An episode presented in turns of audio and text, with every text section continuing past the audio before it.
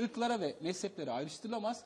Anadolu coğrafyasında Selçuklu'ya başlayıp Osmanlı'ya devam eden Türk milletinin kesin egemenliği alan Büyük Atatürk'ün kurduğu milli devlet yapısı ortadan kaldırılamaz. Sizce bugün böyle bir tedirginlik mi var, böyle bir endişe mi var? Neden böyle bir metin kaleme alındı?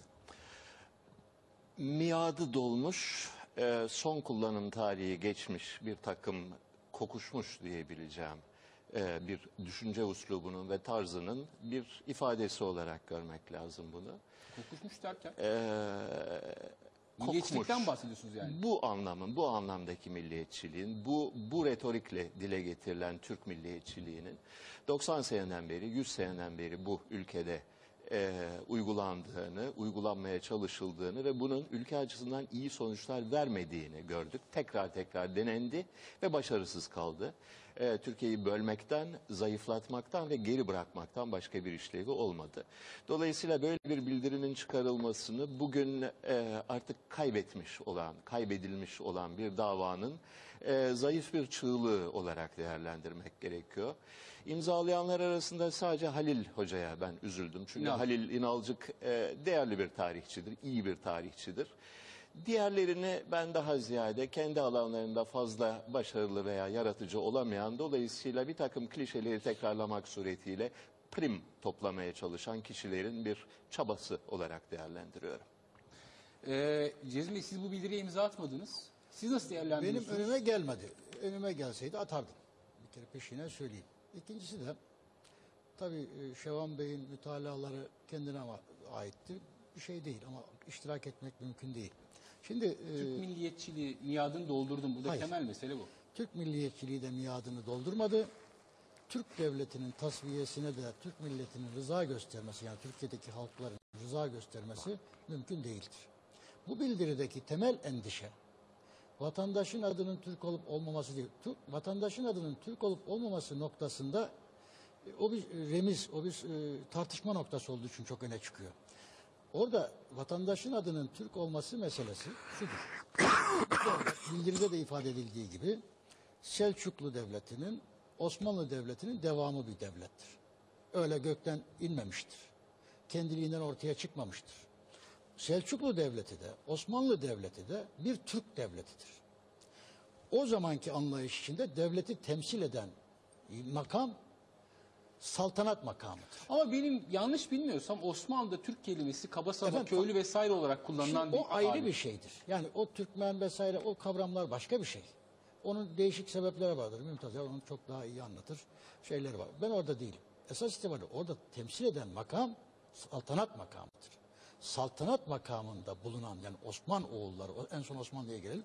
Osman oğulları da Oğuzhan nesli kayı boyu olduğunu şuuru içindedir. Peş bunu, bunu hiçbir zaman ne reddetmiştir ne de buna bir ortak aramıştır. Onun dışında vatandaş vardır. Osmanlı'ya baktığın zaman orada bir de hakim millet var, Müslümandır. Hakim millet Müslüman. Bir Sen de, bir zım, şey itiraz mı ediyorsunuz? Hayır, bir de zımmi, buyursunlar. zımmi var. Yani o da devletin emanet olan. Burada devletin vatandaşların tamamına sağladığı şey adalettir. Vatandaşların kimliği vesairesi değil, adalettir. Ve adalet sağlamıştır. Şimdi Dolayısıyla acaba adalet yeterince sağlanmadığım için mi bu tartışma? Hayır haline bugün geldi? onlarla alakası yok. Bugün bu tartışma aslında bugün başlamış bir tartışma değil. Şimdi sizin yaşınız genç ama Sevan Bey de bilecek. Bu tarzda yorumlaması da e, onun normal. Niye? Çünkü bu tartışmalar Marksistlerin 1960'dan sonra kitle tabanı bulma, işçilerden kitle tabanı bulamadılar. Kitle tabanı bulmak için iki zümreye yöneldiler. Kürtlüğü tahrik ettiler, Aleviliği tahrik ettiler. Ve o zamanki en önemli sloganları halklardı. O zamana kadar Türkiye'de tek millet, millet tartışması yoktu. Halklar başladı. Ben Ve bu halklara öz- Marksizme bağladınız ama şu andaki sosyalist gruplar genelde bu sürece Hayır. karşı çıkıyorlar. Hayır, sosyalist gruplar çıkmıyor. Sos- bunu savunan sosyalist gruplar şimdi liberal oldular. Ve liberal olan sosyalist grupların tamamı işte bu halklara özgürlüğe devam ettiriyor. Mesele halklara özgürlükten başlamıştır. O dönemde de Türkiye İşçi Partisi'nin kapatılma gerekçesi de budur. Daha sonra Töpter Derneği'nin kapatılma gerekçesi de budur. Halklara Türk bölücülüktür. Komünistlik değildir. Marksistlik değildir. Şimdi tabii o yüzden bugün Türkiye'deki bugün liberal olmuş. Çünkü artık Marksizm para etmiyor. Yıkılmış Sovyetler. Marksistlerin bugün aslında Kürtçülüğü savunmaları, Türk, Türk milletinin bütünlüğüne itiraz etmeleri anlaşılabilirdir. Çünkü dünden beri söyledikleri şeydir. PKK'nın da zaten Marksist bir teşkilat olarak başlaması da tesadüf değildir. Kurucuları arasında da sadece Kürtler yoktur. Diğer Marksist gruplar da vardır. O yüzden bu bildirinin esas temel endişesi devletin temel vasfı, Türk devleti olmak vasfı. Burada Türk de Osmanlı'dan itibaren Müslüman olan herkestir. Ha burada yalnız bir şey daha var. O da şu. Osmanlı Tanzimat'tan sonra bir Çok oraya girmeden ben Mümtazer Bey'e bir dönmek istiyorum. Şimdi Sevan Bey bunları söyledi. Ee, itirazlar burada. Fakat siz de etnik bir Türk milliyetçiliğinin e, çözüm olamayacağını söylüyorsunuz. Yani ben orada anlamakta biraz zorlanıyorum. Yani Türk'ü bir üst kimlik olarak tanımlıyorsunuz yanıl- yanılmıyorsam ve burada Bozkurt, Ötügen vesaire bir takım tarihsel mitlerle e, yola devam etmenin mümkün olmadığını söylüyorsunuz. Şimdi şöyle yani e, mesele iyice karıştı. Herhalde başından başlamamız lazım kısaca birkaç cümleyle. E, şimdi Türkiye e, bir ulus devleti olarak 1923'ten beri geliyor bu tarafa ve en temel yapısı ulus niteliğiyle alakalı bir tartışma sürecinden geçiyor şu anda. Oldukça esaslı, oldukça ana e, yapıya e, müteallik bir tartışma bu. E, nedir? İşte e, çok ciddi, sayıca da çok bir azınlık Kürt etnisitesinin problemini çözecek. Bu problem 30 yıl kanla devam etti. E, biz ayrı bir etni- etnik topluluğuz, biz ayrı bir e, kimliğiz, ayrı bir dilimiz var. Hatta ayrı bir milletiz diyen e, Türkiye'nin işte nüfusunun yüzde onuna tekabül eden, onuna 15'ine tekabül eden çok ciddi bir topluluk. Bunun e, meselesini çözerken tabii her şeyinizi yeniden gözden geçirmeniz lazım. O kadar ki mevcut siyasi yelpaze hallaç pamuğu gibi atılacak, yeniden oluşacak bu mesele etrafında. Siyasi kimlikler, siyasi tavırlar. Şimdi burada şu var e, karşılaştığımız problem. Yani bütün bu tartıştığımız meselelerin de temelinde yer alan şey şu. E, demokrasi içinde çözüyoruz bunu. Şimdi demokraside iktidarı çoğunluk temsil eder. Peki bu ülkede çoğunluk kim? Bu ülkede çoğunluk benim, Türkler. Ve Türkler azınlık olan Kürtlerin problemini çözecekler. Otomatik olarak Türk kelimesi e, doğrudan doğruya bir e, siyasi sermayeye dönüşüyor, bir e, ranta dönüşüyor. Birileri boyunu uzat, uzun göstermek için üzerine çıkıyorlar bu kavramın. Yani çok fazla istismar edilen, çok fazla maskeleşen, zırha dönüşen bir kavrama dönüşüyor.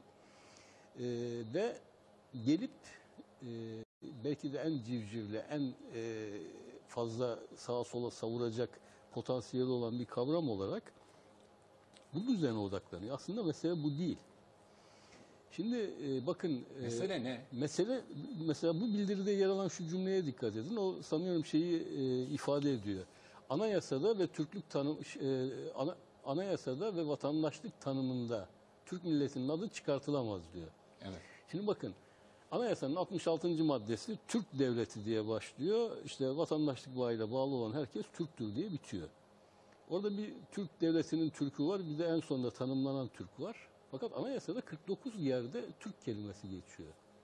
160 yerde Türkiye kelimesi geçiyor. Türkçeyi de dahil ederseniz bu herhalde toplam Türk 250'ye yakın geçiyordu. Evet e, geçiyor ve yeni anayasa imalatında da e, uzlaşılan maddelerde de bu konuda çok ciddi bir tenkisat yok. E, yani yine kullanılıyor Türk kelimesi. Kimsenin anayasadan Türk'ü çıkarttığı falan yok. Şimdi doğrudan O doğruya zaman kavga ne? işte doğrudan doğruya bu ifadenin kendisi bile aslında mevzunun merkezinde Türk'ün yer almadığını gösteriyor. Başka bir şey tartışılıyor burada. Başka bir şey derken ne tartışılıyor? Başka bir şey tartışılıyor. Ee, Birçok şey aynı anda tartışılıyor. Ee, herkes e, Cumhuriyet Halk Partisi kendi içindeki hizip mücadelesini çözemiyor. Ee, bu mesele etrafında daha fazla dağılıyor. Milliyetçi Hareket Partisi e, bu mesele üzerinden kendi parti içi sorunlarını çözüyor ve bunun parçasını e, topluyor. Bunun piyasasını yapıyor. Bir piyasa oluştu, bir pazar oluştu bu konuda. Milliyetçilik pazarı mı? bu? Evet evet doğrudan doğruya Türk üzerinden bir pazar oluştu. Yani Türk kavramı üzerinden bir pazar oluştu. Millet bunun ticaretini yapıyor, bunun siyasetini yapıyor. Ve bunun e, yani bakın duvara tebeşirle yazılan bir kelime mi ki Türk, Türklük siliniyor diyorlar.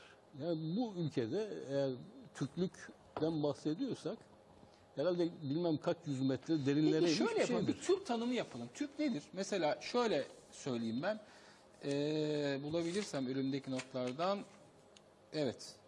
Sevan Bey'in kitabından. Bir soydan gelen bir mitik atadan türeyen anlamında etü, tür veya bir araya getirmek, toplamak anlamında etü, türi veya yasa anlamında türü kökleriyle alakası olması, alakalı olması düşünülebilir demiş. Ve e, milattan sonra 1. yüzyılda Pomponius Mela ve 2. yüzyılda yaşlı Plinius Azak Denizi'nde kıy- kıyısında yaşayan Turkaya isimli kavimden söz eder. Çin kaynaklı kay- kaynaklarına göre de 540 dolayında Köktürk devletini kuran Türklerle aynı kavim olması ihtimal dahilindedir diyor. Türk sizin kitabınızda böyle geçiyor. Bunlar Siz- hiçbir- yani bu tabii Ben Türk kelimesinin kökeninden olarak. söz ediyorum Etimo- orada. Başka bir şey yok. yani Türk, bir şey Evet. yapalım. Başka Türk bir şey kimliği, Türk tarihi üzerine yazılan kitapların başında mutlaka bu etimolojik kökenle ilgili bilgiler aktarılır. Fakat bunlar hiçbiri bilimsel olarak ispatlanmış şeyler değil. Şimdi e, 6. yüzyılda işte bir Göktürk devletiyle ortaya çıkan bir Türk kelimesi var ama daha çok öyle anlaşılıyor ki başka kavim, kavimlerin bir topluluğa koyduğu isim. Ve bu topluluk ırk özelliği göstermiyor. Yani bilimsel olan bir gerçek var ortak bir ırk özelliği göstermiyor. Yani e, işte çekik gözlü, elmacık kemikleri çıkık e, tiplerle, insanlarla sarışın, mavi gözlü insanlar aynı ırkın üyesi olamaz. Bir kere fiziki özellikleri uymuyor. E, doğrudan doğruya dışarıdan konulan bir isim, bir topluluğa konulan bir isim. Yani işte Oğuzlar, Karluklar, Kıpçaklar, Uygurlar, e, farklı boylar, farklı isimler. Bunları bir arada tutan e, ve dışarıdan bakanların kullandığı bir isim. Ama önemli olan şu, tarih içinde bugün e, menşeinden bugüne gelirken e, bir Türk milleti var mı diye sorarsanız var. Ortaya çıkmış. Genellikle de dünyanın hiçbir yerinde e, milletler kendiliklerinden birdenbire ortaya çıkmazlar. Bir tarihleri vardır. O tarih daha sonra ulus devletler çağında devletler tarafından da Yani 72,5 milletten oluşan bir şeyiz deniyor yani. Türk derken bu kastediliyor Türkçe, galiba. Türkçe konuşanlar, ana dili Türkçe olanlar Türktür. Doğru değil. Ana dil Türkçe olanlar ana, Türktür. ana dil aslında bakın burada en kapsayıcı tarih. Bugünkü e, Türkiye Doğru bakımından da dediniz? Türkiye bakımından da en Ee, ana dili Türkçe olan pek çok Ermeni var. evet. Onlar Türk değil mi peki? Şimdi, şimdi efendim e, şeyin e, burada en kapsayıcı tarif, en yumuşak tarif. Bir kere aslında bir medeniyet, bir kültür e, şeyinin coğrafyasını e, içinde olan insanlar. Bu onu- o yüzden de Ziya Gökalp'in çok basit bir tarif var. Halkımız diyor. Der ki dili dilime veya dini dinime. Yani bu coğrafyada Türkçe konuşan veya Müslüman olanlar aynı milletten. Ama şimdi Sevan Bey çok önemli bir şey söyledi. Ana dil Türkçe olan Ermeniler var dedi. o- o- Neyi ben- kastediyor? Bir açsın onu. Ondan önce şeyi söyleyeyim. Bir kere a- şey olarak da yani soy olarak da ana dilin ötesinde soy olarak da Türk olup da Türk kabul edilmeyen mesela şeyler var. Karamanlılar var. Yani sadece Ermeniler değil. Rumca konuşanlar. Ee, o din bağını da Bunlar Rumlar ama Ee, mesela ya, şu anda Türkiye'deki Yahudilerin tamamı e, Türkofondur yani ana- ana dilleri Türkçedir. Buna rağmen genel olarak Türk kabul edilmeleri bu kelimeye yüklenen duygusal anlama, bu kelimeye yüklenen tarihi anlama aykırıdır. yani Müslüman olmayanlar Türk ol- olamaz mı Şimdi diyorsunuz bak, siz? Türk kelimesi tarih boyunca çok çeşitli anlamlarda kullanılmıştır. Değişik anlamlarda kullanılmıştır. Dolayısıyla yok efendim Selçuklular bir Türk devletiydi da Osmanlılar bir Türk devletiydi gibi genellemelerin son derece e, zayıf olduğunu düşünüyorum. Türk kelimesi tarihin çeşitli aşamalarında çeşitli şeyleri ifade etmiştir. Hatta benim e, Mümtazer Bey ile ilk tanışmama vesile olan bir makalemin konusu da tam buydu. Yani Cumhuriyet'in ilk 15 yılında Türk kelimesinin üç ayrı anlamda yani birbiriyle çakışmayan üç ayrı anlamda nasıl kullanıldığını gösteren bir makaleydi. Bundan 17-18 sene önce yazmış olduğum bir makaleydi. Dolayısıyla Türk kelimesinin bir tane anlamı yok. Çeşitli şekillerde yorumlanabilir. Tarihli, tarihi zamanlarda çeşitli şekillerde yorumlanmıştır. Klasik anlamı Türk milletinin ve, ve çevre halkların gönlünde duygusal karşılığı olan anlamı şudur. Anadolu ve Rumeli'nin Müslüman ahalisine Türk denir. Yani Tuna'dan Fırat'a kadar olan bölgede yaşayan ve onun birazcık dışına da taşan, bölgede yaşayan, ana dili ne olursa olsun Müslüman olan ahaliye genellikle bin seneden beri Türk adı verilmiştir. Şöyle ya da böyle. Fırat'ın doğusunda yok mu? Fırat'ın doğusunda az vardır. Biraz karışıktır. Fırat'ın Buran'dakiler doğusuna bir tablo. O, o noktaya takılmayalım ne olur. Ama- Ne, rica etsem ne olur biraz da ben Hayır, konuşayım. hayır anladım siz konuşuyorsunuz zaten Hepsini, ama hepsini ihate, ihate eden bir şey çıkmıyordu onun için söyledim. şimdi adam Şimdi bakın, eee, bu eee, geleneksel tanımı budur. Cumhuriyetle birlikte buna yeni şeyler eklenmiştir. Orta Asya unsuru katılmıştır ki daha önce mevcut değildi böyle bir eee, konsept. Eee, bunun içine siyasi itaat unsuru Ama Turan katılmıştır. Cumhuriyet'ten önce var. Yani Turan mesela Cumhuriyetten çok orada kısa. Cumhuriyet derken 1913'te başlayan Ha, bir tamam, süreci peki. anlatıyoruz. Ee, yani. Türk ocaklarının kurulmasıyla birlikte başlayan bir e, bir hadiseden söz ediyoruz. Bir ideolojik bütünlükten söz ediyoruz.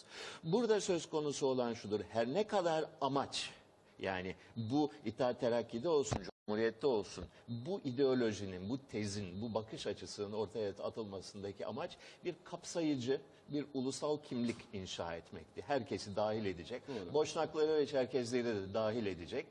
Bir dipnot olarak belki Kürtleri de dahil edecek olan bir bütünlüğü oluşturmaktı. En başından beri Ermeniler ve Rumlar bu Türk Baştan itibaren hiçbir yoklar. zaman bunun içinde bulunmamışlardır. Yani Cumhuriyet'in e, ve İttihat Terakki'nin Türk tanımı gayrimüslimleri dışlayan bir tanım olmuştur. Bugüne kadar da bu anlayış büyük bir ısrarla ve kararlılıkla Ama sürdürülmüştür. Agop Diraçar'ı peki nereye koyuyorsunuz? E, Türk devletine hizmet eden bir yabancı pozisyonuna koyuyoruz. Yani Mois- e, Mois reayadan Cohen'de. efendim Mois Cohen'de. e, reayadan da bakınız biz ne kadar şeyiz, e, geniş görüşlüyüz ve hoşgörülüyüz. Reayadan da bir iki kişiyi gerekirse istihdam ederiz. Fakat adını da her nedense her zaman A. nokta Dilaçar olarak imzalarız.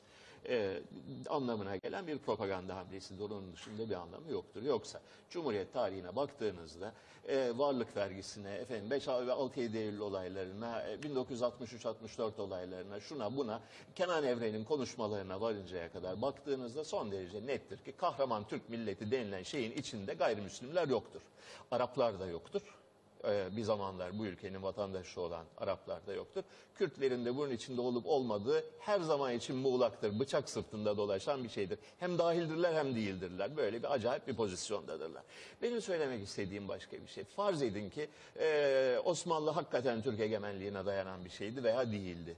Osmanlı Devleti bir nokta geldi ki dünya tarihinin bir aşamasında su tutmaz oldu, dağılmaya başladı.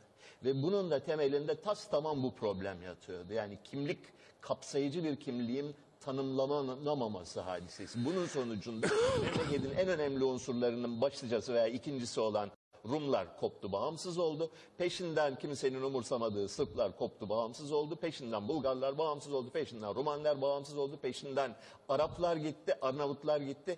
Ee, Ermeniler gitmeye teşebbüs ettiler, beceremediler. Ee, bu böyle bir dağılma sürecidir ki böyle parça parça yıkılıyor ve bunun da temelinde kapsayıcı bir kimlik tanımının oluşturulamaması yatıyor. Ve bugün bu sürecin bir sonraki aşamasını yaşıyoruz son 30 senedir. Geriye kalan Müslüman olmalarına rağmen Kürtler vardı ve apaçık bir şey var ki Türk Kürt milletiyle Türk milleti arasındaki duygusal bağ, itaat bağı, aidiyet bağı kopmadıysa da kopmanın ucuna kadar geldi. Zorlandı. Bir zamanlar kimsenin aklından geçmezdi bu ülkede ki Suriye ayrılacak. Makedonya ayrılacak, Arnavutluk ayrılacak. Akla hayale gelmeyecek bir şeydi. Ufacık Arnavutluk nasıl ayrılır? Koskoca Türk devletinden. Ayrıldı. Paşa gibi ayrıldı. Bu tehlikenin tekrarlanmaması için bizim eski ezberlerimizi bırakıp şapkamızı önümüze koyup düşünmemiz gerekiyor ki bu dağılma süreci nereye kadar gidecek ve bu dağılma sürecini önlemek için ne yapmamız gerekiyor? Dünyanın bugünkü konjonktüründe yalnız dağılmayı önlemek değil, aynı zamanda çevredeki oluşmuş olan kaosu, çevredeki vakumu, boşluğu, iktidar boşluğunu nasıl dolduracak Türkiye? Bu sorudur. Temel soru bu sorudur. Ve bu sorunun bir tane cevabı vardır. 90 seneden beri, 100 seneden beri bu memleketin başına bela olan dışlayıcı ve dar, kavmiyatçı milliyetçilik anlayışını terk etmektir. Bunu eğer Ne baş- konacak yerine? onu Abi, bilmiyorum bakın. Onun pek çok şey olabilir. Yani Birkaç Avrupa'da Avrupa'da bu yani Avrupa'da bu problemlerle yüz yüze. Bütün dünyada buna benzer problemler var. Yalnız Türkiye ile de de olan e, bir hadise değil. Avrupa Birliği gibi bir kavram koydular. Herhangi bir kavmi iddiası olmayan bir ortak bir e, medeniyet birliği kavramını ortaya koydular. Nereye kadar başarılı oldu tartışılabilir. Rusya vaktiyle Sovyet ulusu diye bir şeyi ortaya koydu. Bir e, bir kavimler üstü bir milliyetçilik kavramını oluşturmaya çalıştı. Çok başarılı olmadı. Vaktiyle İslamiyet buna benzer bir deneyin ürünü olmuştur. Yani çeşitli kavimlerden ve çeşitli aşiretlerden gelen insanları birleştiren bir üst kimlik, ortak bir medeniyet projesi. Türkiye bunu başardığı takdirde mahpus talihini kırmak denilen hadisenin ta kendisidir. Budur. O hadise budur. Yani mahpus talih dediğiniz şey bu koskoca bir devleti, eskiden bayağı ciddi boyutlarda olan bir devleti bir arada tutamama hadisesidir. Yani tutamıyor, dağılıyor. Buradan tutmaya çalıştığı zaman buradan e, salıveriyor. Ancak birleştirici ve kapsayıcı, yani beni de dahil eden, dağdaki Kürdü de dahil eden, Mümtazer Bey'i de ve e, Cezmi Bey'i de dahil eden bir ortaklık zemini oluşturabilirseniz şayet bu ülke su tutar. Bu ülke e, potansiyelini 100 seneden beri maalesef heba edilmiş olan potansiyelini e, gerçekleştirme imkanını bulur. Başarılar başaramazlar ayrı bir mesele. Şimdi, şimdi bir kere bir şey söyleyeyim. Öz eleştiri yapar ama öz eleştiri bu değil. Neden Şimdi değil? Şunun için değil. Bir kere bu dediği Osmanlı İmparatorluğu Fransız ihtilalinden sonra Avrupa'da başlayan milliyetçilik cereyanları ve aynı zamanda Avrupa devletlerinin Rusya'da dahil içerideki Ortodoks vesaire vesaire unsurları tahrik etmesi o sebeple. Dolayısıyla dağılmaya doğru giderken aradığı çareler var. Nedir o? Tam da kendisinin dediği şey. Yetmemiştir. O şu. Tanzimat fermanı, arkadan ıslahat fermanı getirdik. Ne dedi orada? O zamana kadar Osmanlı Devleti'nin temel anlayışı dediğiydi. Müslüman bir millet, diğerleri ayrı ayrı millet. Hristiyan. Ha, devletin de sahibi aslisi Müslümanlardı. Tanzimat fermanıyla biz dedik ki, hayır. Tamam. Gayrimüslimler de bu devletin artık sahibidir dedik. Yani kapsayıcı bir tarif. Osmanlılık kavramı çıkardık. Ama bu tahrikler sonunda meydana gelmiş olan milliyetçilik hareketleri ne Osmanlılıkta ne başlamış olan Sırp isyanlarını ne başlamış olan Yunan isyanlarını durdurdu. Onu durdurmadığı gibi o zaman başlamamış olan daha sonra Ermeni hareketlerine de e, vesile oldu ama en önemlisi başka bir şey oldu. Buraya kadar, Tanzimat'a kadar devletin sahibi siz Müslüman Müslümanlar dediğiniz zaman Arap'ta, Arnavut'ta, Boşnak'ta devletin sahibiydi. Ama artık siz sahibi aslisi değilsiniz. Sizinle birlikte diğerleri de sahibi aslisi deyince o zaman dediler ki o zaman herkes benim o kadar bu devlete karşı borcum yok dedi. Arnavut'un da ayrılma, Arap'ın da ayrılma mazereti ortaya çıktı. Şimdi burada bir şey doğru kabul etmek lazım. Şimdi bu devlet dediğiniz şey bakkal dükkanı değil, anonim şirket de değil. Anonim şirketlerde bile, çok ortaklı anonim şirketlerde bile şirketin başarısı birinin sahip gibi davranmasına bağlı. Sahibi Türkler diyorsunuz yani. Elbette. Zaten ona iddia Bazıları da bunu yemiyorlar. O Hayır, sahibi Türkler dediğiniz zaman sınırı, sınırı Fırat'tan çizmek zorunda kalırsınız. Hayır.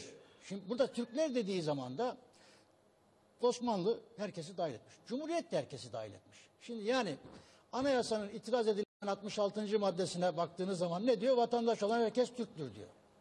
Ayırmıyor ki vatandaş olan Ermeni Türk değildir, vatandaş olan Rum Türk değildir, vatandaş olan X Türk değildir demiyor ki. Herkes Türktür diyor. E şimdi ha burada hadise şu.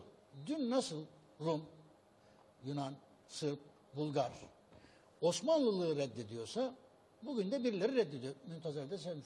Birileri reddediyor. Son- Ve nitekim, affedersin, ve nitekim işte bu reddedişinde adına Selahattin Demirtaş dedi ki 29. Türk isyanıdır dedi. Olabilir. Bu da olabilir. Demirel dedi bunu ilk defa. Neyse kim dediyse dedi. Kürt isyanıdır. Olabilir. Siz kabul etmeyebilirsiniz. Sizin kabul etme işiniz ayrı şeydir. Birinin sahiplikten vazgeçmesi ayrı şeydir. O hala kardeşim demeye devam edecek. sen de bendensin demeye devam ederek şey yapacak. En önemli şey burada onun bu devletin adil olduğuna, kendisini insan yerine koyduğuna inanan bir sistemi kurmaktır. Kısa Onun- bir reklam arası verelim. Mümtaz Bey'le devam edeceğiz efendim. E, Ben cümlelerimi tam tamamlayamıyorum.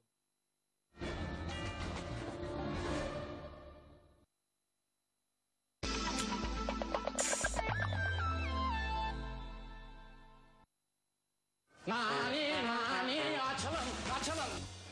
Acil krediye ihtiyacım var tabanımcım. Rahat olun Selahattin Bey. TEB'de her türlü ihtiyacınız için kredi var. TEB'den bordrolu çalışanlara sadece nüfus cüzdanıyla acil ihtiyaç kredisi. Rahatladım. Hem yazar kasa hem de POS cihazı şimdi bir arada.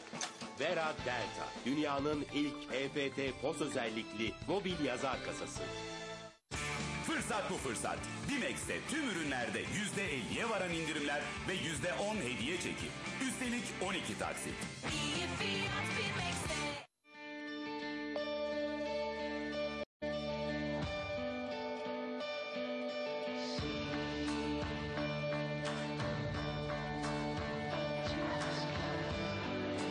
Peugeot 3008. Yükseklerde olmak güzeldir. Gelin üstün teknolojik ekipmanlarıyla Peugeot 3008'i yetkili satıcılarımızda test edin.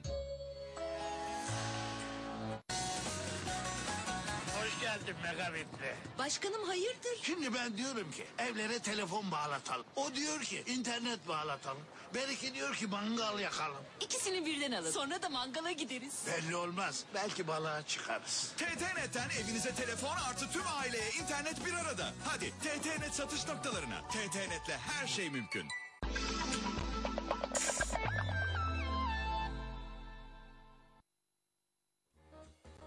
Efendim Centilmenler Kulübü'nden herkese merhaba.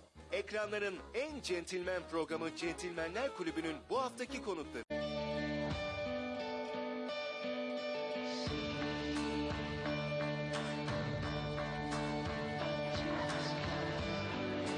Peugeot 3008. Yükseklerde olmak güzeldir. Gelin üstün teknolojik ekipmanlarıyla Peugeot 3008'i yetkili satıcılarımızda test edin.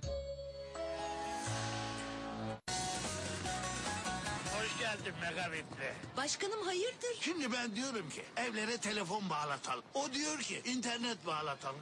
Belki diyor ki mangal yakalım. İkisini birden alın. Sonra da mangala gideriz. Belli olmaz. Belki balığa çıkarız. TTNet'ten evinize telefon artı tüm aileye internet bir arada. Hadi TTNet satış noktalarına. TTNet'le her şey mümkün.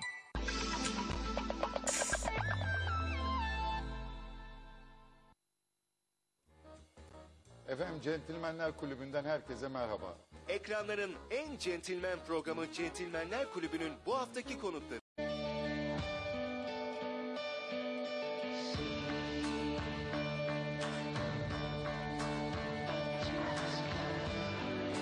Peugeot 3008. Yükseklerde olmak güzeldir. Gelin üstün teknolojik ekipmanlarıyla Peugeot 3008'i yetkili satıcılarımızda test edin.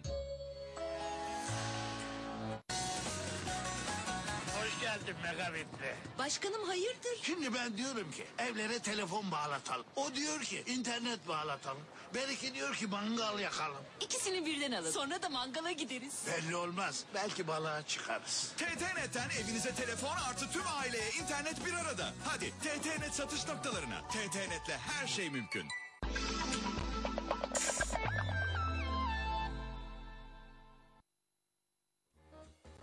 Efendim Centilmenler Kulübü'nden herkese merhaba.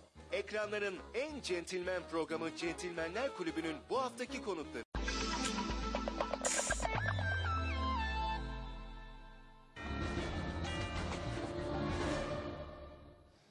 Ee, Mümtazar Bey siz bir yazınızda Türkçülük gibi Kürtçülük de ülkeyi böler. Yani Türkçülük Kürtçülük gibi ülkeyi böler diyorsunuz. Birkaç tweet okudum yayın arasında. Orada da böyle şeyler yazıyor. Yani bu mesele suni olarak mı ortaya çıktı? Hakikaten şu anda ciddi bir meseleyle karşı karşıya ve çözmesi, çözülmesi gereken bir meseleyle karşı karşıya mıyız? Yoksa yapay olarak bir gündemler üretip o gündemlerin peşine mi takılıyoruz? Evet yani aslında e, başka alanlarda ortaya çıkmış bir sürü tansiyon, yük, ağrı, e, sıkıntı, problem ne derseniz deyin. Bunların hepsini Türk kavramı, Kürt kavramı gibi etnik kavramlar üzerine yerleştiriyoruz. Ağırlığı da artıyor. içinden çıkamıyoruz. Biraz problem böyle bir problem. Müdafaa-i Hukuk Cemiyeti demiş. Niye demiş? Türk Müdafaa-i Hukuk Cemiyeti diyemediği için demiş. Anadolu deyince Rumeli dışarıda kalıyor. Ee, bunların hepsi denenmiş. Şimdi biz bir imparatorluk bakiyesiyiz. Bir imparatorluğumuz vardı, dağıldı. Hepimizin de imparatorluk. Az önce nasıl tarih, e, dağıldığını Sevan Bey tarif etti. Şimdi imparatorluk dağıldığı zaman bakın bize benzeyen bir başka imparatorluk Avusturya'dır. Ee, hatta ortak yani daha önce e, Osmanlı Devleti'nin olan bazı e, milletler sonra Avusturya'nın tebaası oluyor. Avusturya'da benzer aynı Osmanlı İmparatorluğu gibi bir milliyetçilik geliştiriyor. Hatta Kaiserreich Nationalismus diyorlar. Ee, Kaiser e, devleti milliyetçiliği gibi bir tabir üretiyorlar. Ee, ama şeyin izlediği strateji, e, yani imparatorluk demek çok milletli devlet demek. Ulus devlet demek tek milletli devlet demek. Türkiye çok milletli devletten tek milletli devlete geçti. Geçerken e, dünyadaki tecrübeler, büyük imparatorluklar işte mesela İngiltere, e, Hollanda bunlar hep büyük imparatorluklardı. Monarşiyle götürdüler. Monarşi şeyi yumuşattı. E, yani o çok milletlilikten tek milletliliğe geçişi yumuşattı. E, ulus devletler çağında ulus devletlerin aktörünü oluşturduğu uluslararası düzen içinde işte İngiliz İngiliz milliyetçiliği yapmadı. Britanya milliyetçiliği yaptılar veya daha geniş bir e, tacın milliyetçiliğini yaptılar, yumuşattı. Şimdi biz böyle bir şansı yakalayamadık. E, mesela Osmanlı monarşisi devam etmiş olsaydı belki de daha yumuşak bir e, milli kimlik oluşturacaktık. E, mesela bu e, bugün mevcut durumla Cumhuriyet'in o çok sert ve kesin ulus devlet tanımı ile ortaya çıkan mevcut durumla e, diğer senaryo arasındaki mukayeseyi yapmadığımız için şeyi göremiyoruz. Şimdi sonuçta ne olacak? Yani bütün bunların hepsi bir e, e, şeyi yumuşatan, farklı etnik kimlikleri yumuşatan e, bir millet tanımına monarşiyle ulaşsaydık kuvvetle muhtemeldir ki Cumhuriyet'in... Yani Osmanlı yani Osmanlı saltanatı altında gidecek bir şey. Yani Anadolu'daki cumhuriyetçiler olmasaydı Mustafa Kemal ve arkadaşları başka forma girmeye razı olsalardı Osmanlı tahtı altında bir mücadeleyi sürdürmüş olsaydı belki baş- başka şeyler konuşulurdu. Hanedan, hanedanın şeyinde altında e, şeyi farklı milliyetleri daha kolay tolere eden bir ulus devlet formu ortaya çıkabilirdi yine monarşiyle. Şimdi bakın e, Türk'ü çıkardık. Şimdi bunun alternatifi yok. Bugün dönüp dolaşıp geleceğimiz yer sonuçta ne diyeceğiz diye sorduğumuz zaman yine Türk diyeceğiz. Diyebileceğimiz başka bir şey yok. Sevan Bey- Türkiye'li diyemez miyiz? Şimdi şey olmuyor, birçok şeyde gitmiyor Türkiye'li. Aslında Türkiye'li kelimesi de geçen Cezmi Bey'le konuşurken bunun tartışmasını yaptık. Ee, üzerinde düşündüğünüz zaman Türk'ten çok fazla farkı yok. Yani e, bir Kürt veya başkası demiş olacak ki Türkiye ne demek? Türklerin vatanı demek. Ben Türklerin vatanındanım demiş olacak. Yani bunun en kestirmesi işte Türk polisi diyor, Türk hukuku diyor, Türk yargısı diyor, Türkiye yargısı, Türkiye polisi birçok şeyi aynı anlamda kullanamazsınız. Fakat sorun şurada. E, Cumhuriyetle birlikte biz Türk kelimesine aslında çok kolay e, herkesi derleyip toparlayacak bir üst kimlik potansiyeli taşıdığı halde etnik bir mana verdik. İşte o manayı verenlerden biri de Türk Ocakları. Ee, yani oturup işte mesela bir bozkurt figürü diye bir figür çıkartıyorlar. Türk Ocakları'nın amblemi bu. Bu Anadolu'da yok. Bin yıllık tarihte, bu, bu topraklarda oluşmuş tarihte yok. Dönüyorlar etnik Türk'ten bir şey sembol çıkartıyorlar. İşte Ergenekon efsanesi, diğer bütün bu e, 5000 yıla, 5000 yıl öteye uzanan figürlerin tamamı böyle. Böyle bir imkan vardı Anadolu'da. E, üst kimlik olarak Türk lafzı altında bir e, kimlik oluşturma imkanı. Hristiyanları da içeren bir Türk üst kimliği. Evet e, olabilirdi. E, Ama olabilirdi yani. Olabilirdi. Fakat onu Cumhuriyet çok dar, sınırlı bir alana hapsetti. Yani etnik bir anlam, etnik anlam anlam yükleyen Kürtler değil, Ermeniler değil, başkaları değil. Devletin kendisi Türk kelimesine etnik bir anlam e, yükleyerek daralttı alanını. Şimdi sonuçta e, Devletin kendisi mi yoksa bu yani Türkçülük ideolojisini yaratanlar işte mesela e, Ağoğlu Ahmet Bey, işte demin Moise Kayın ismini verdiniz. Yani Türkçülüğü üretenler esasında yani o dönem İslamcılık, Osmanlıcılık vesaire varken bu toprakların dışında olan yani e, tam da Türk olmayan işte Tatarlar, Kırımlar vesaire Bu bu mevzu değil. Yani tartışmayı neticelendirecek olan şey bu değil. Ee, büyük ölçüde 1932'den sonra oluyor bunların büyük bir kısmı. Ee, yani o ırkçı tezler falan 1932'den sonra üretiliyor. Şimdi mesele şu. Türkiye'de Kürtler kendi ana dilleriyle, kimlikleriyle e, bu ülkede özgür ve eşit vatandaşlar olarak kendilerini hissedecekleri bir şekilde, bir stat, statüde, bir e, düzen içinde yaşasalar Türk kelimesi bu kadar problem olur mu? Mesele şeyden kaynaklanmıyor. Türk kelimesinden, Türk kimliğinden, Türk milleti lafzından kaynaklanmıyor. Türkiye'de yani sonuçta herkes özgür, e, eşit, onurlu vatandaşlar olarak bu ülkede var olduğunu düşünürse kimse buna itiraz etmez. Biz meselenin bütün ağırlığını Türk kelimesinin üzerine veriyoruz. Aslında mesele orada değil. Ama bu saatten sonra geriye gidip bu 90 yıllık bakiyedeki problemleri çözmek ve yani yeniden hani e, o işleri çözerek Türk kimliği altında hep beraber yaşamak mümkün mü? Türk kimliği altında e, yaşamak mümkün. Şartı herkesin e, kendi kimliğini e, rahatlıkla e, teneffüs edeceği o havaya, o iklime sahip. Hala sahip- buna imkan var diyorsunuz. Hala var çünkü alternatifi yok. Yani ne diyeceksiniz? Yok Türk mu demeyeceksiniz. Ee, Ben Mümtazer Bey'in söylediklerine hemen hemen tamamıyla katılıyorum. Çok doğru şeyler söyledi. Saltanatın yumuşatıcı etkisinden başlayarak e, ve şu anki Saltanatın tartışmanın... yumuşatıcı etkisini ben anlamıyorum. Ne yöne, ne, ne diyorsunuz tam olarak? Nedir bunun hani alt metni ne yatıyor? Eğer sizin e, hanedandan, geçmişten ve gelenekten gelen bir meşruiyetiniz varsa, başka bir ideolojik zorlamaya gerek duymadan da ülkede egemenliğinizi sürdürebilirsiniz. Buna karşılık siz sıfırdan çıkmış, bir meşruiyeti olmayan, bir ihtilalle başa geçmiş bir rejim iseniz, e, çok kuvvetli bir ideolojik temayla, bir bir e, bir iddiayla, bir tezle, bir sancakla ortaya çıkmanız gerekir. Bunun da Türkiye'deki sonuçları çok hayırlı olmamıştır. E, Türk kelimesi konusunda söylediklerine tamamıyla katılıyorum Mümtazer Bey'in. Eğer Türk kavramı, Cumhuriyet rejimi ve Türk ocaklarının temsil ettiği gelenek tarafından bu derece partizan bir kavrama, bir düşmanlık kavramına, bir bölünme kavramına dönüştürülmemiş olsaydı, insanların buna çok fazla bir itirazı olacağını tahmin etmiyorum. Yani sonuçta bir devlettir. Daha büyük bir devletin sınırları içinde yaşamak, daha küçük bir devletin sınırları içinde yaşamaktan daha iyi bir şeydir. Ekonomik açıdan, kültürel açıdan, her açıdan daha iyi bir şeydir. Dolayısıyla bunun adı da Türkse insanlar bunu kabul eder.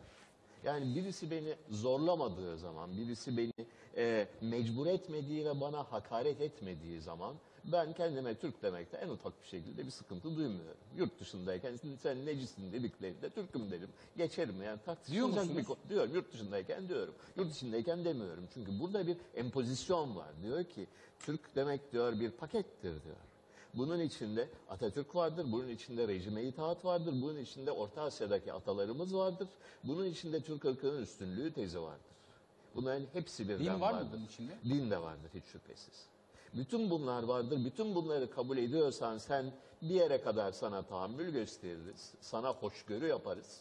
Aksi takdirde defol git memleketten diyorlar. Ee, bu memleket benim memleketimdir. Sizin kadar benim de memleketimdir. Ben, benim, benim atalarım, babalarım, dedelerim ve büyük dedelerim hepsi bu, buralıdır. Bayağı temelli olarak buralıdır. Çok eskiden beri buralıdır. Dolayısıyla bana bir şekilde benim sunduğum koşulları kabul etmiyorsan senin vatandaşlık haklarını inkar ediyorum. Senin en temel insani haklarını inkar ediyorum diyen bir ideoloji benim açımdan bölücü bir ideolojidir. Düşman bir ideolojidir. Ve bu ideolojinin şehrin çeşitli tepelerine diktiği bayraklar da bir e, challenge'dır, bir, e, bir meydan okumadır bana karşı. Ya boyun eğersin ya gidersin şeklinde bir meydan okumadır. Bu tepki doğurur. Türk kelimesine böyle bir duygusal anlam yüklediğiniz takdirde ki bu bildiriye imza atanlarda o geleneğin temsilcisi oldukları anlaşılıyor. Böyle bir anlam yüklediğiniz takdirde birileri de der ki hayır babacığım benim atam Orta Asya'dan gelmedi. Senin atan Orta Asya'da at koştururken benim atalarım burada medeni bir hayat sürdürüyorlardı. Kitap yazıyorlardı derim. Ama bunu demek zorunda kalmamayı tercih ederim. Anlatabiliyor muyum? kavga bu- edilirse kavga peki kavga bu- doğurur.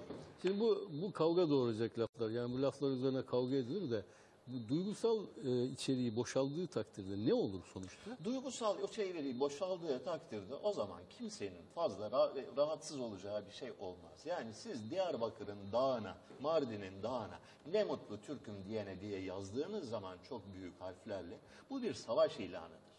Bu ben seni küçümsüyorum demektir. Bu ben senin atalarını, geleneğini, dedenden öğrendiğin aile hikayeni reddediyorum anlamına gelir. Ve bu kavga doğurur.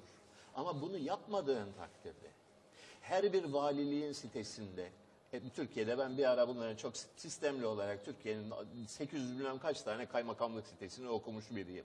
Hepsinde bunların özellikle Kürt illerinde e, ilçelerinde özel bir çaba gösterilmişse ki buranın asıl ataları şey, Türklerdir. Ta Hunlar zamanından beri Türkler burada oturur. Zaten Kürtlerin de nereden çıktığı belli değildir. Zaten onlar da bozulmuş bir takım Türklerdir diyorsanız bunun sonucu, bunun doğal sonucu Kürt milliyetçiliğidir. E, Tam da bu noktada, Affedersiniz. tam da bu noktada bir şey okumak istiyorum. 1985 Azat demiş ki milliyetçilik artık bizi kapsamıyor. Bizi birleştirecek olan şey federal sistemdir. Yani demokratik cumhuriyete geçiştir demiş. İsmail Türker de ilginç bir şey yazmış. Şöyle diyor, devletin temelini ilgilendiren bir konuyu böyle ulu orta tartışmak yakışıksızdır diyor. Bizim yaptığımız bana şeyi söz çok verecek beğenmedim. misin? Buyurun. Şimdi bir kere tabii roman yazmak başka bir şey. Hakikati konuşmak başka bir şey. Şimdi Şevan Bey'in tabii kafasında bir e, şey var, kurgu. O kurguya göre tarih yazıyor. Böyle değil. Birisi şu. Farklı bir roman yazmayı öneriyorsun. Hayır. Ben gerçeği söylüyorum. Anladım. Şimdi bu topraklarda demin siz de biraz söylediniz ama geriye gittiniz. Birisi şu. Mümtaz de onu söyledi. Tabii bu topraklarda yaşayan insanlar kendilerine Türk demediler doğru. Ama en azından yazılı kaynaklarda görüyoruz ki 12. yüzyıldan itibaren bütün Batı literatüründe Türk bu topraklarda yaşayan insanların adı, devletin adı, coğrafyanın adı Türk ve ona irtibatlı. Demek ki böyle bir şey var. Böyle kimse cumhuriyet, cumhuriyet bir şey koymuş değil. İki, sadece Müslümanlar da değil. 19. yüzyılda buradan 18. yüzyıl sonu 19. yüzyıl Arjantin'e büyük ölçüde göç var Lübnan'dan 19. yüzyılda. Bunların ünvanları ne oradaki lakapları? Los Turcos. Hristiyan ve Müslüman. Bakınız sadece Hrist şey değil, Müslüman değil. Hristiyanlar da Los Turcos, Müslümanlar da Los Turcos. İki, yine literatürde görüyoruz ki Avrupalılar Müslüman olana Türk oldu diyor aynı zamanda. Bu, bu böyle gelmiş. Şimdi birileri şunu diyebilir. Bu zamana kadar geldi ama, bu zamana kadar geldi ama ben kardeşim farklıyım. Amenna. Bunu demiş olması, bunu benim tartışma konusu yapmam, onu değiştirebilir miyiz arkadaş dememi gerektirmez. Türkiye'de şu anda yapılan temel yanlış budur. Yani birilerinin farklı hissetmiş olması, farklılık iddiasında bulunması, farklılık iddiasında bulunması. Hatta başlangıçta olduğu gibi Osmanlı'nın tek Osmanlı'da yaşayıp da bağımsızlığını kazanamayan tek devlet, Müslüman topluluk biziz artık. Biz de devletimizi kuralım diye ortaya çıkmış olması anlamak mümkündür de benim onu kabullenmem, devletin onu kabullenmesi, insanların bu devletin münevverlerinin bunu kabullenmesi ve haklıdır bu tartışmayı yapalım demesi abestir. Dünyanın hiçbir yerinde olmaz. Türkiye bu abesi yaşıyor. Bir. Ama İkincisi- Öcalan böyle bir şey talep etmiyor ki. Ediyor. Başlangıçta öyle çıktı yola. Ediyordu ama 99'da 2'den 2000'den beri böyle bir şey söylemiyor. Öyleyse ben o zaman neyi tartışıyorum? Şimdi eğer o artık ben bu devletin e, yani ben bu isyanı öyle başlamıştım ama olmayacağını anladım demesi başka bir şeydir. An- olmayacağını anladım dediği andan itibaren siz temelleri tartışamazsınız. Burada burada hadise hadis- bir, ikincisi şu. Çok yanlış şeyler söyleniyor. Nedir o? Efendim ötekiler düşman gören. Türkiye'de içerideki birini düşman gören bir milliyetçilik anlayışı olmamıştır. Türk milliyetçiliği devletinin muhafaza düşüncesiyle ortaya çıkmıştır. En geç milliyetçiliktir. Herkesten sonra ortaya çık. Niye devlet gidiyor? Ama buna rağmen Birinci Dünya Savaşı sonuna kadar hatta milli mücadele sonuna kadar bütün milliyetçiler aynı zamanda siyaseten Osmanlıcıdır. Yani Osmanlı Devleti'nden yanıdır. Osmanlılığın devam etmesini ister. Şimdi Mümtaz Er'in söylediği, efendim saltanat olsaydı yumuşatır. O milliyeti yumuşatmazdı. Benim işimi kolaylaştırırdı. Nasıl kolaylaştırırdı? Bu isyanı o zaman saltanata da isyan olacağı için başka bir gerekçesi yok. Devlete isyan diye, devlete isyan diye benim vasıflandırmam çok daha kolay olacaktı. Şimdi problemimiz şu. e, yani Şimdi burada- Türk mü Türk mü Türkiye'li mi diye altyazıda hala yazıyor. E, Ya şimdi burada- hangisini hangisini tercih Hiçbiri- edersen ben ben şu- şunu söyleyeyim de şimdi yani sonuç itibariyle bu Türkiye'li ile hepsini ifade edemeyiz. E, Türk diyelim derim. Benim e, niyetim, kanaatim Siz zaten varacağım. kendinizi Türk milliyetçisi olarak kabul ediyorsunuz. Evet. E, fakat şunu söyleyeyim. Yani şu yayınlanan bildiri e, Türk kelimesini kalıcı hale getirmeye mi hizmet ediyor yoksa tam tersine Şimdi kav- şöyle- kavga mı? bakın, kavga mevzu mu yapıyor? Şunu anlamak Problem- lazım. Türkiye'nin Ya, yaşadığı şu anda problem bu. Bir şey bir lafımı bitireyim de Mümtaz Er ondan sonra. Yani Şimdi Türkçülük yaparak Türk Hayır. e, kavramının burada itibarı şu hadise hadise şudur. Bir şey Ee, iyi, iyi, zedeler- yerli yerine iyi yerli yerine koymak lazım. Şimdi bir memlekette bir memlekette İslamcılık İslamsa İslam bin yılı aşkın süredir. İslam'a hizmet etmiş. Bir ırk, ister ırk say, Mümtazer gibi, Şevan Bey gibi, işte ne sayarsanız sayın.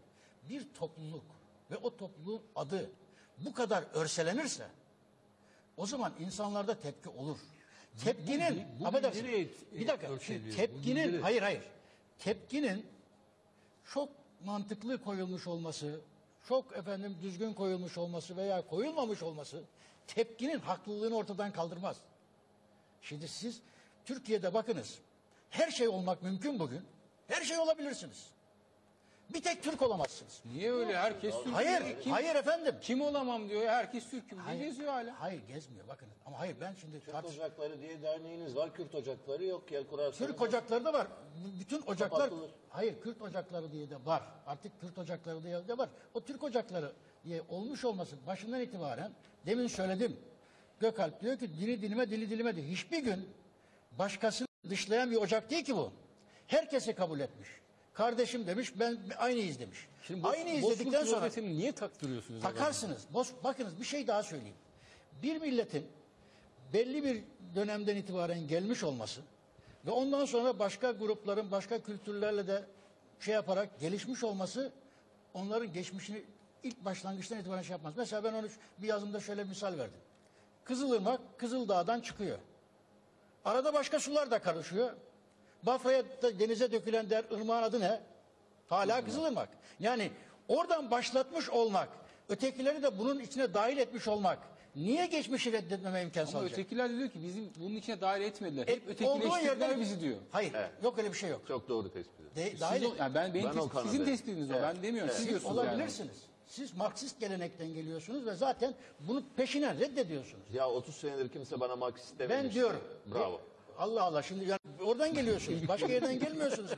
Beslendiğiniz yer orası. Literatürünüz orası. Her şeyiniz orası. Vallahi Ve Marksistler bu memlekette bölücülükle işe başlamışlar. Halklara özgürlükle başlamışlar. Sevan Bey Ya Marksist bütün burada ya. gene yani iş kabahat Marksistlerin başına patladı. Hayır hayır. Sadece onunla patlamıyor. Bir Yani oradan başlamıştır. İlmi daha çok Marksisttir ona Olabilir göre. onu bilmem ben. Ben kimin ne olduğunu bilmiyorum. ben kimin olduğunu bilmiyorum. Ama bu benim öyle olduğumu başlamıştır. biliyoruz. Hayır o öyle başlamıştır. Yazı, elbette birçok şeyler de belli o. Şimdi dolayısıyla dolayısıyla şimdi oradan başlayan ve millete bir şey başlamış. Bir nifak atılmış ve bu nifak bir yere gelmiş. Ama bir yere gelmiş olmak Türk milleti neden korkuyor? Buradaki mesele Korkmuyor. niye endişe nedir? Türk niye milleti- problem Hayır, nerede Türk yani? milleti şunu korkmuyor Türk milliyetçileri hiçbir şeyden. Sadece Yani- yanlış yanlış bir tartışmaya itiraz ediyor.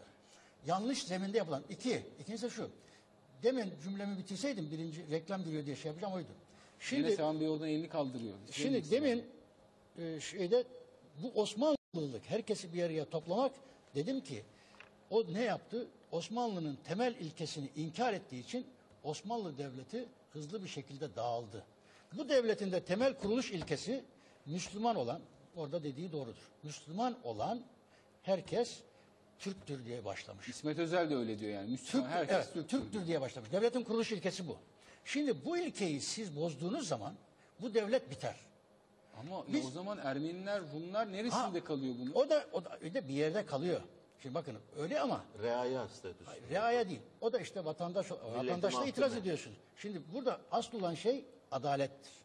Kendisini adil bir şekilde idare edildiğine, demin Mümtaz Erdoğan onu söyledi. Kendisinin adil bir şekilde bu devlette şerefli bir şekilde yaşadığına inandırmaktır. Bu başka bir şey. Şimdi şimdi burada 1856'dan sonra kalmadı Şimdi aslında- onlar. efendim 1856'dan sonra Tamam. başka bir düzene geçti. şimdi burada Sevan Bey siz de bir şey diyordunuz. Şimdi Cumhuriyet'in et, affedersin Cumhuriyet'in bir döneminde demin Mümtaz Er de söyledi. Bir döneminde bir bir ırkçılık var. Ama bu ırkçılık etnik ırkçılık değil. Antropolojik ırkçılık ve bana göre bizim tarif ettiğimiz Türk o dönemde de zaten Türk ocakları kapalı. O günahında ortağı değiliz bir kere. Fiilen de değiliz, resmen de değiliz. Şimdi bana göre oradaki şey esas itibariyle bizim iddia ettiğimiz tarih içinde teşekkül eden ve eski bir tabirle söyleyeyim tekevvün eden Türklüğü de inkar eden bir şey ve herkesi herkesi her etnik grubu kemik yapısına göre bir millet sayan bir anlayış. Aslında etnik bir anlayış değil. Bu 26'da vatandaş Türkçe konuş kampanyasını başlatan da Türk ocakları. 1926 mı? 27. Ayrıca yapıya ortak O, olmadıkları evet. doğru değil. Çünkü 1900, Elbette. 1932 itibariyle Türk Ocakları Bilfil Cumhuriyet Halk Partisi'ni ele geçirmişti. Hayır Türk ocakları kapatılmış. Kapatılmış. Nasıl çünkü e, çünkü bütün Kapatılan- kadrosu olduğu gibi Hayır. halk evi adı, adı verilmiş. Genel E, genel başkanı da Büyükleşe Büyükelç olarak sürülmüş. Yok. ama Reşit Galip'te bir, bir şey oldu. Ha, evet. Şimdi burada iki, iki nokta var. Bakın bir şeyi ayırmak lazım. Öyle değil. Şimdi iki tip milli, birçok tip milliyetçiler var. Ama bir- Müsaade edin biraz da biz konuşalım. bitireyim. Hakikaten cümleniz çok bit- yok bitireceğim. Şimdi birisi Osmanlı münevveri milliyetçilerdir. Birisi de tabii Türkiye dışından gelen Türk münevverlerinin milliyetçiliğidir. Şimdi ikisi arasında bir fark vardır. O şu fark, temel bir fark. Birisi devletini muhafaza eden bir milliyetçilik anlayışıdır. Diğeri ise kendi bölgesinde bağımsızlık mücadelesi vermeye talip bir milliyetçilik anlayıştır. Bu arada bir fark olabilir. Ama bu farklılık, şimdi bu farklılıktan doğan bazı ifadeleri e, getirip de Türk milliyetçiliğini ana ekseni olarak görmek mümkün değil. Sevan Bey. Biraz farklı bir düzeye taşımak istiyorum ben e, konuyu. Çünkü esas bütün bu hadisenin yani durup durduğu yerde aman Türk kelimesi eskidi bunun yerine yeni bir şey kuralım e, bulalım diye başlamadı bu tartışma. Türkiye 30 seneden beri ya da en azından 15 seneden beri 20 seneden beri e, ciddi bir yol ayrımına gelmiş durumda. Bu yol ayrımında ise bir büyük tehlike ve bir büyük fırsat kapımızda bekliyor. Tehlike ne fırsat ne? Ee, tehlike şudur. Sovyetler Birliği'nin dağılmasıyla birlikte görülmüştür ki e, başka kavimleri, başka başka dilleri konuşan ve başka ulusal duyarlılıklara sahip olan kavimleri bir devlet çatısı altında tutmak 21. yüzyıl dünyasında son derece zordur. İmkansız değildir ama son derece risklidir. Yani e, Sovyet dü- dünyanın ikinci büyük devleti, ikinci e, süper gücü 15 tane cumhuriyetini bir arada tutmayı başaramadı. Yugoslavya başaramadı, Çekoslovakya başaramadı. Bunun dışında Sudan'ı saymıyorum, Etiyopya'yı saymıyorum, başka ülkeleri saymıyorum. Belçika dağılıyor. Belçika dağılıyor. İspanya bir takım krizleri atlattı ne kadarını atlatacağı belli değil. İskoçya bağımsızlık ilan etmenin arefesinde. Quebec problemi 30 senedir sürüyor. Ee, Türkiye'de buna benzer bir problem ortaya çıktı ve Türkiye'nin şöyle bir özelliği vardır.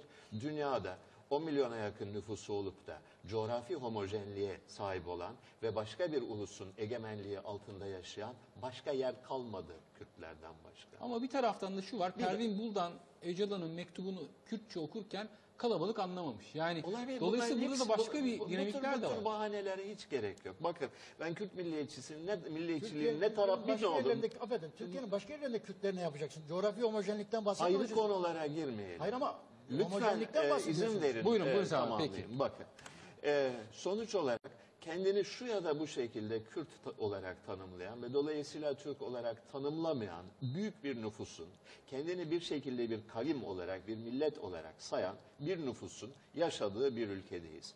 Ve bu insanların Türkiye Cumhuriyeti sınırları içinde tutulması son derece riskli, son derece zor ve başarı gar- garantisi de bulunmayan bir projedir. Türkiye geçmişte kaç tane o bir düzine ülkeyi nasıl kaybettiyse Kürdistan'ı da kaybetme riskiyle karşı karşıyadır. 1960'lardan beri bu risk mevcuttur. Bunun iç ve dış sebeplerini ayrıca tartışırız. Türkiye Türk devletinin kendi basiretsiz politikaları nasıl bu sonuca yol açtı onu da ayrıca tartışırız. Sebebi neyse ne. Sen dünyada Estonya'nın koptuğu bir, bir, bir dünyada, Türkmenistan'ın koptuğu bir dünyada, e, Katalonya'nın koptuğu bir dünyada yaşıyorsun. Kürtlerin de kopması bir ihtimal Ama olarak Öcalan diyor önündedir. ki bugün Kadim Öcalan ne Türk- dese, Ö- Öcalan evet de dese, hayır de dese bu ihtimal vardır. Yani Öcalan ölür yerine Böcalan gelir. Ee, bu eğilimi gidin Van'da, Diyarbakır'da, Mardin'de sokaktaki üç kişiyle e, konuşun. Bu ihtimali çok net olarak görürsünüz. Olur olmaz ayrı bir mesele. İyi bir şeydir de demiyorum buna. Lütfen Bu- yanlış. bu- bir saniye. Bu, bu, bu işin e, risk tarafı. Fırsat bir de tarafı. fırsat tarafı vardır. E, Türkiye'nin ekonomik olarak, askeri olarak, e, jeopolitik olarak her açıdan önünde duran belirli başlı bir takım şeyleri vardır. Türkiye'nin ağzını sulandıran bir takım fırsatlar vardır. Bunun da adı Kerkük'tür. Daha fazlasını söylemeyelim. Irak dağıldı, Irak bölündü.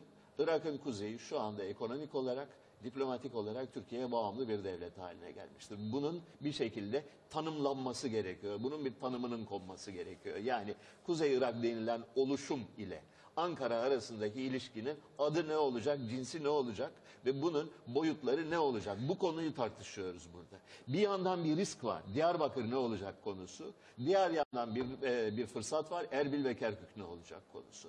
Bu problemin çözümüyle uğraşıyor. Ben adamlar. tam da bu noktada Öcalan'ı zaten bundan telaffuz ediyorum. Yani diyor ki bugün Kadim Anadolu Türkiye olarak yaşayan Türk halkı bilmeli ki Kürtlerle bin yıla yakın İslam bayrağı alttaki ortak yaşamları kardeşlik ve dayanışma hukukuna dayanmaktadır diyor. Ondan sonra ben bu çağrıyı yalnızca Türkiye'deki insanlara yapmıyorum. Suriye'deki ve Irak'taki Eyvallah. Araplara, Türklere ve e, Türkmenlere ve Kürtlere hatta Asurilere de yapıyorum. Ya sen dar ulus milliyetçiliğiyle, dar ulus milliyetçiliğiyle, herkesi dışlayan, bizim atalarımız Bozkurt'tan geldi, Asena'dan geldi milliyetçiliğiyle imparatorluk oyunu oynayamazsın. Bu kadar basit bir gerçek var ortada. İmparatorluk oynayacaksan kapsayıcı Konjonktür olmak zaten zorundasın. diyorsunuz yani. Konjonktür Dünya dayatıyor. dayatıyor. Dünyanın gidişi bu yönde. Dünya tek ulus milliyetçilikleri krizinden geçti. Birinci Dünya Savaşı'nın sonucu olarak. Yani her tarafta millet, çeşitli uluslar şöyle bir pozisyona geçtiler. Her taraftan ya şey yumruk yağıyor. Kendi aramızda birleşelim bir muhasara zihniyeti içine kapanalım. Sınırlarımızı kavileştirelim, güçlendirelim çağından geçti. Yüz sene sürdü bu karanlık çağ. Şu anda başka bir dünyada yaşıyoruz. Globalizasyon çağında yaşıyoruz ve bu globalizasyon çağında devletler bu çok uluslu yapılara, e, geçirgen ve şef- e, şeffaf sınırlara sahip olabildikleri, bunları idare edebildikleri ölçüde güçlü olabilirler ancak. Türkiye'nin güçlü olması, Türkiye'nin kuvvetli bir ülke olması hepimizin çıkarınadır. Sizin ne kadar çıkarınaysa benim de o kadar çıkarınadır. Anlatabiliyor Ben Türkçe konuşuyorum, yazılarımı Türkçe yazıyorum. Dolayısıyla bu yazılarımın mümkün olduğu en çok sayıda insan tarafından okunması benim işime gelir.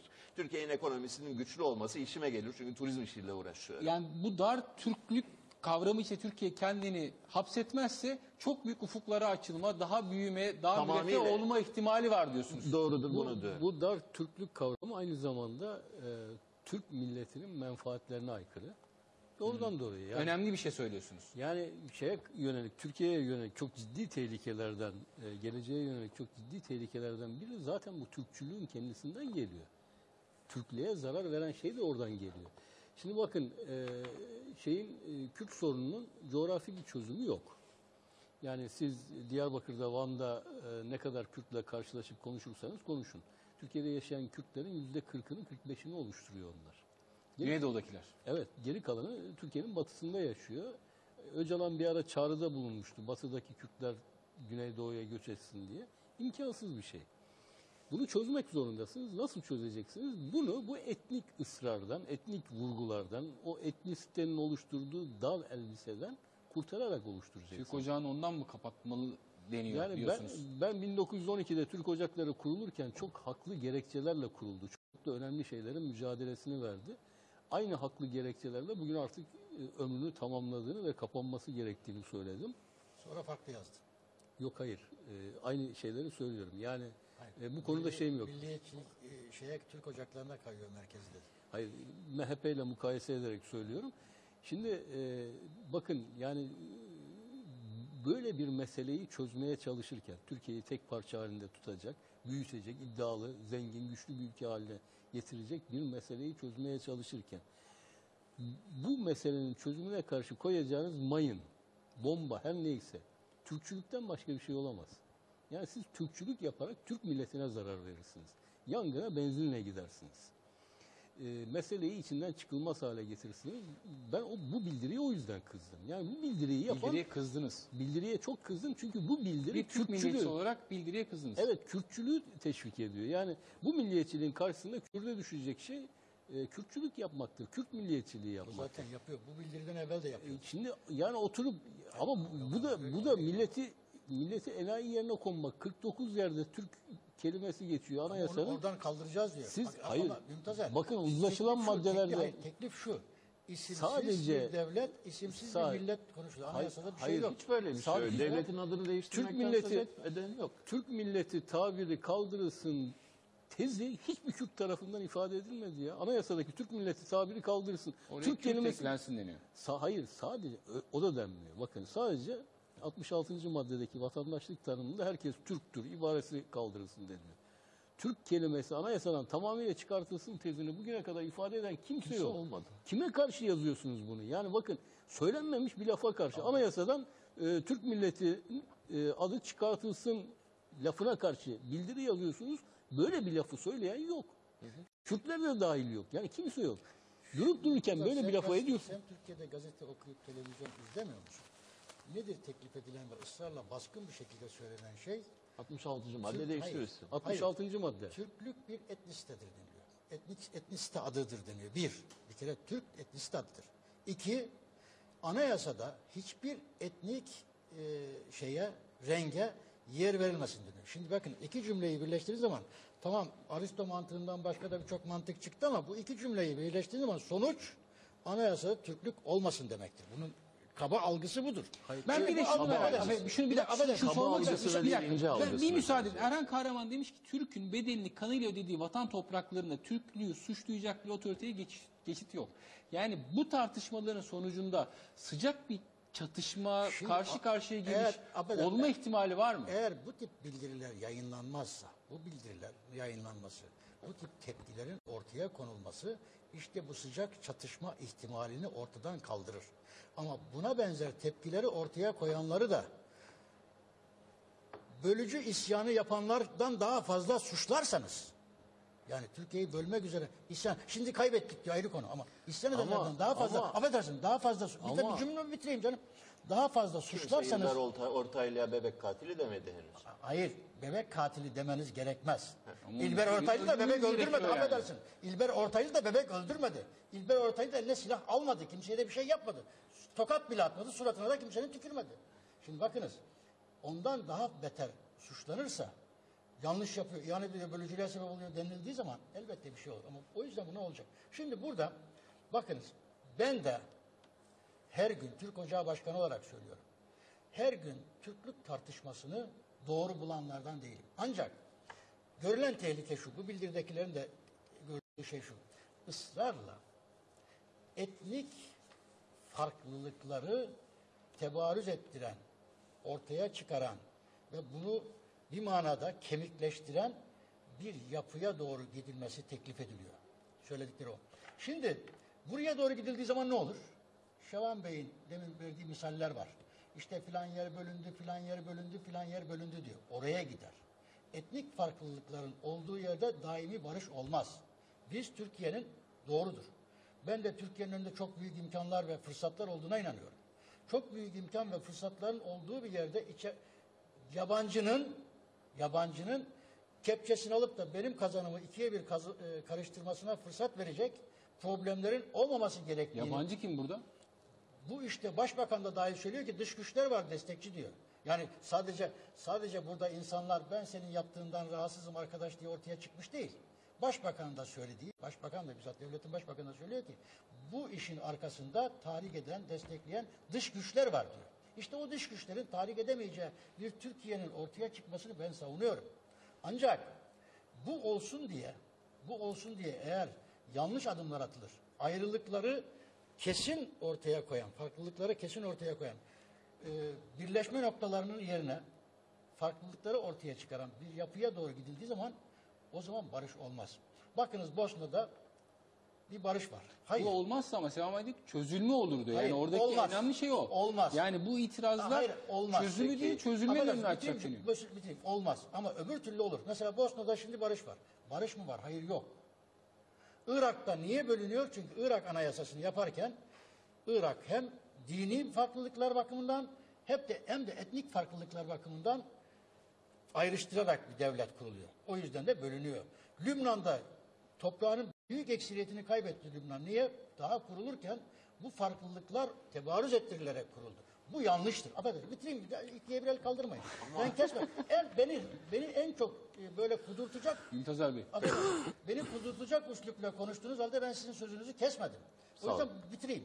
O yüzden Türkiye'de bizim endişemiz bu et farklılıklar çok fazla kabartılırsa Türkiye barış getirelim derken çok daha sıkıntılı bir yere gider. O yüzden burada bizim şey yaptığımız şu. Diyoruz ki Süre çok daralıyor. Evet, evet, Buyurun. bitireceğim. Şimdi Türk Ocakları ne yapıyor? Dedikleri hiçbirini yapmıyor. Şunu yapıyor. Türk Ocakları bugün milletin önüne, bu millet, işte deminden beri söylediğimiz herkesi kapsayan bir millet, sadece Türkiye'dekilerde değil, bütün bir e, insanlığın önüne yeni bir medeniyet tasavvuru diye bir fikir koydu. Onu tartışmıyorum şimdi. Hayır, Ya beni- hayır, anlatamadım. Niye şu bakımdan önemli? Son- son beş dakikamız var ama bunu hayır, lazım. Şu bakımdan önemli. Şimdi bölücülükle ötekini düşman görmekle itham edilen dernek bütün insanlığı kapsayan bir fikir ortaya atıyor. Bunun tartışılması elbette lazım. Bunun göz altına alınması lazım. Herkes aklındakine göre, önceki hükmüne göre bir derneği, bir kuruluşu, bir milliyetçi faaliyeti e, suçlamaması lazım. O bakımdan söylüyorum. Şimdi şöyle birkaç tweet okuyacağım çünkü e, bize katkı sağlayanlar okumuyorsunuz diye kızıyorlar. Bir tanesi İç Mirak diyor ki Türkiye Özal'ın bahsettiği gibi Anadolu Cumhuriyeti olarak kurulsaydı yıllarını bu tartışmayla harcamamış olurdu diyor. E, Keleş Gürkan koskoca Türk, Türkiye Cumhuriyeti'nin başbakanı hiç ben Türk'üm dememiştir bu zamana kadar diye bir itirazı var. Hiç Emre Gezde şöyle demiş, anayasada eşit yurttaşlık ya da etnisite- etnisiteye vurgu yapılmaması durumunda ülkede ne tür değişiklikler olur beklenebilir diyor. Ve Selim Uysal da Ce- Cezmi Bayram Türk milliyetinin görüşlerini beyan ediyor. Sonuna kadar katılıyorum demiş Sevan Bey. Ne diyorsunuz? Bir şey itiraz söylüyordunuz, giremedik araya. Sonra Mümtazer Bey söz vereceğim. Ee, Cezmi Bey bu tür e, e, etnik e, duygusal duygu, e, duyarlılıkların ortaya sürülmesinin Türkiye'de sıkıntıya yol açacağını söylüyor. Bunca sene etnik duyarlılıkların ifadesi yasaklandığında veya aşağılandığında veya ne mutlu Türk'üm diyene diye bağırarak asker zoruyla susturulduğunda peki ne oldu? Çok mu başarılı bir politikaydı? Yoksa karşı tarafı bir e, aksine isyana teşvik eden, aksine ülkeyi bölen ve bölünmeyi teşvik eden bir politika mıydı? 30 sene insan hiç mi ders almaz? 90 sene hiç mi ders almaz? Ortada bir olgu var, yürümeyen bir politika var, işlememiş. Aksine arzulanan efektin tam tersini doğurmuş bir politika var. Bütün bir Kürt bölgesel yani Türkiye'nin batısındaki Kürtleri saymayalım peki ama onların da büyük bir kısmı bunun dahilindedir. Doğudaki Kürtlerin genç kuşağının neredeyse tamamının Türkiye devletine karşı isyan duygularıyla dolmasına yol açan ve bir Kürtlük milliyetçi duygularıyla do- dolmasına yol açan bir politika var ortada. Bunun başarısız olduğu bir noktada biz şunu yapmak zorundayız. Şu ana kadar yanlış bir şey yaptık. Memleket elden gidiyor. Memleketin bir bölümü apaçık bir şekilde elden gidiyor. Çözülemeyen bir e, sorun var ve bu Türkiye'yi kanatıyor böyle şarıl şarıl kanatıyor. Bu durumda yapacak bir şey yoktur. Şu aşamada yapılacak, sorulacak olan soru şudur. Türkiye'nin güneydoğusunda ve doğusunda yaşayan ve kendini şu veya bu nedenle yeterince Türk hissetmeyen bir zümrenin bu ülkede gönül rızasıyla yaşamasını sağlayacak olan politika nedir? Bunu soruyoruz. Yani bütün bu politikanın da amacı Türkiye'de, İstanbul'da, Ankara'da ve İzmir'de oturan insanların kendilerine Türk mü diyecekler, başka bir şey mi diyecekler meselesi değildir. Diyarbakır'daki oturan adam ne diyecek? O mesele. Bir de şöyle bir şey var. Türklüğe leke gelirse ülkücüler sokağa inerler mi diye Oğuzhan Sayıcı sormuş. Hayır yani bu yani ben şöyle cevap vereyim. Şimdi ben Türkiye'de çoğunluğun bir üyesiyim, çoğunluğun mensubuyum. Ben Türk'üm, Sünniyim. Ee, iki açıdan da Türkiye'de çoğunluğu temsil ediyorum. Şimdi e, Türkiye'de milliyetçilik karşılıklı birbirini tır- tırmandıran milliyetçiliklerin, Türk milliyetçiliği, Türk milliyetçiliğinin bir ülkenin geleceğine, ortak faydalar üzerinde bir gelecek inşa etmesine katkısı yok. Bunun ateşinin düşürülmesi lazım. Çoğunluk mensupları oturup kendi milliyetçiliklerini yaparlarsa karşı tarafı memleketi bölmeye zorlamış olurlar. Ee, yani ben özellikle çoğunluğun bu konuda sorumluluğunun olduğunu, bu ateşi düşürmek, ortak paydaları bulmak, bir Evet, inşa... peki. Mikrofonda bir sorun varmış. Kusura bakmayın Tezal Bey. Ee, şöyle bir soru sormak istiyorum. Ee, Türk bayrağı ismi değişebilir mi? Yani e, Türk bayrağı ne olacak? Türkiye bayrağı mı olsun?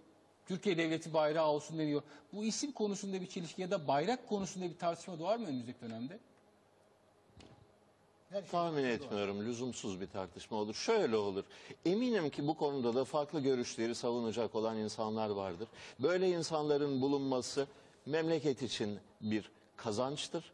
Farklı sıradanın dışında ve alışılmışın dışında fikirlerin savunulmasında her zaman her ülke için sayısız fayda vardır. Dolayısıyla birilerinin Türk bayrağı da olmasın ya da öyle olmasın böyle olsun ya da değişsin ya da üstüne sarı yeşil e, kırmızı bir de bant ekleyelim diyenler de eminim ki çıkacaktır. Buna alışıldığı takdirde bunun dünyanın en doğal şeyi bir hak olduğu kabul edildiği takdirde zaten bir sorun kalmaz Türkiye'de. Evet.